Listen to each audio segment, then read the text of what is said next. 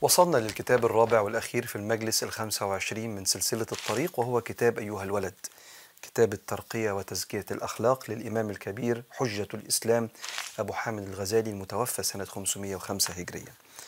كان الإمام بيتكلم مع تلميذه بيقول له صفات الشيخ العالم اللي تتتلمذ على أيديه. وخدنا المرة اللي فاتت جزء من الصفات دي هقراها لك وبعدين نبدأ البداية الجديدة قال آه، وكان بمتابعة الشيخ البصيري جاعلا محاسن الأخلاق له سيرة. يعني هو الشيخ اللي انت بتتتلمذ على أيديه في العلم والتربية هو كمان كان عنده شيخ وبيتبع الشيخ ده. فواخد إسناد في الأخلاق عنده حد رباه أخلاقيا وحد رباه علميا عنده إسناد علمي. فقال الأخلاق له سيرة يعني سلوكه كله أخلاق كالصبر والصلاة والشكر والتوكل واليقين والقناعة وطمأنينة النفس والحلم والتواضع. خدنا المرة اللي فاتت الكلام ده. نبدأ الجديد بقى. ومن الأخلاق يعني قال والعلم والصدق والحياء والوفاء والوقار والسكون والتأني وأمثالها. آه. من صفات العالم اللي تتعلم على ايديه العلم. مم. العلم مش المعلومة. العلم يعني إيه؟ يعني عنده شيخ علمه. والشيخ وهو بيعلمه علمه أدب العلم. ومن أدب العلم إدراك أن الأئمة اختلفوا في الآراء وأن اختلافهم كما يقول السلف رحمة واسعة وأن إجماعهم حجة قاطعة. فنحترم خلاف الإمام الشافعي مع الإمام مالك والإمام مالك مع الإمام أحمد والإمام أبو حنيفة معاهم. هذه الاختلافات لما يكون الإنسان متعلم بيحترمها ولما يكون الإنسان قرأ كتاب أو اتنين بيتصور دائما إن الحق في اللي أراه ولا يتصور وجود الحق في حتة تانية.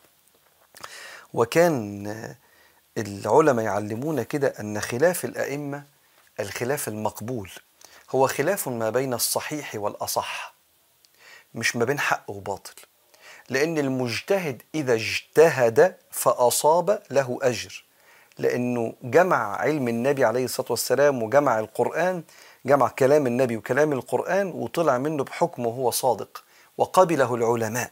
ده معنى أن الإمام الشافعي مجتهد أن العلماء بصوا في كلامه لقوا موافق للقرآن والسنة بصوا في كلام الإمام مالك موافق للقرآن والسنة. أبو الشافعي الإمام أبو حنيفة وأحمد بن حنبل الأئمة الأربعة الكبار وغيرهم من المجتهدين.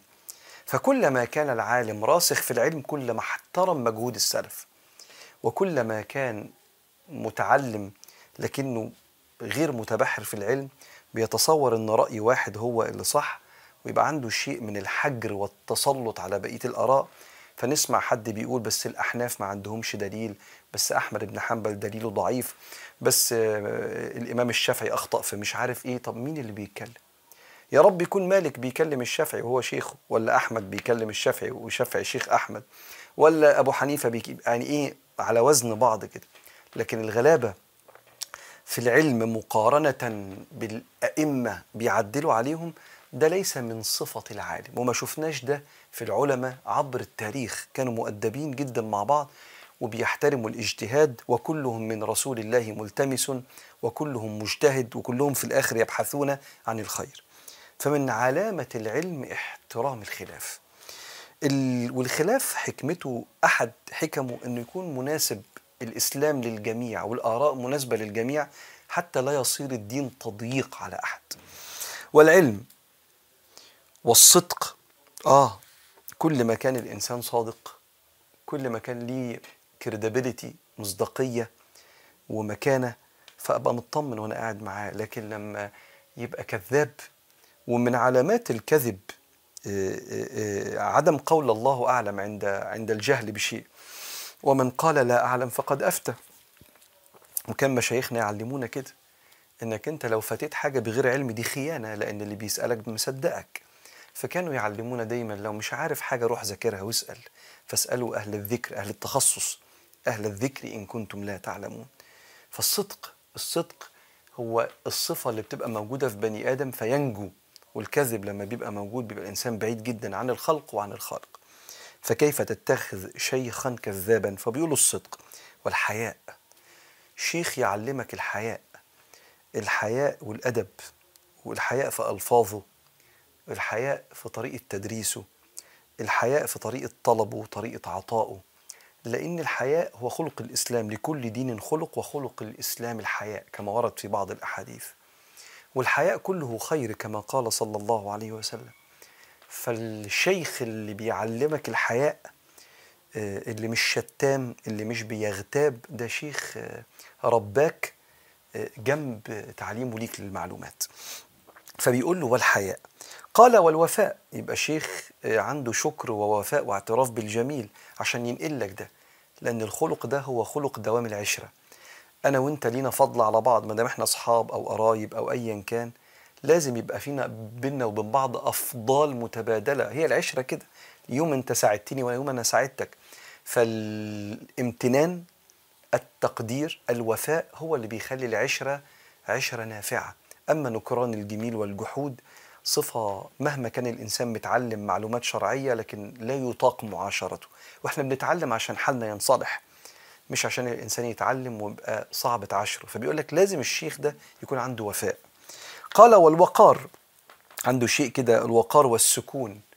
يكون العلم أثر في سكينة نفسه وهدوء نفسه وعدم سرعة غضبه وعدم سرعة رده وتريثه وسكينته الوقار والسكون والتأني وأمثالها. فهو إذا نور بقى نكمل الكلام. فهو إذا نور من أنوار النبي صلى الله عليه وسلم يصلح للاقتداء به.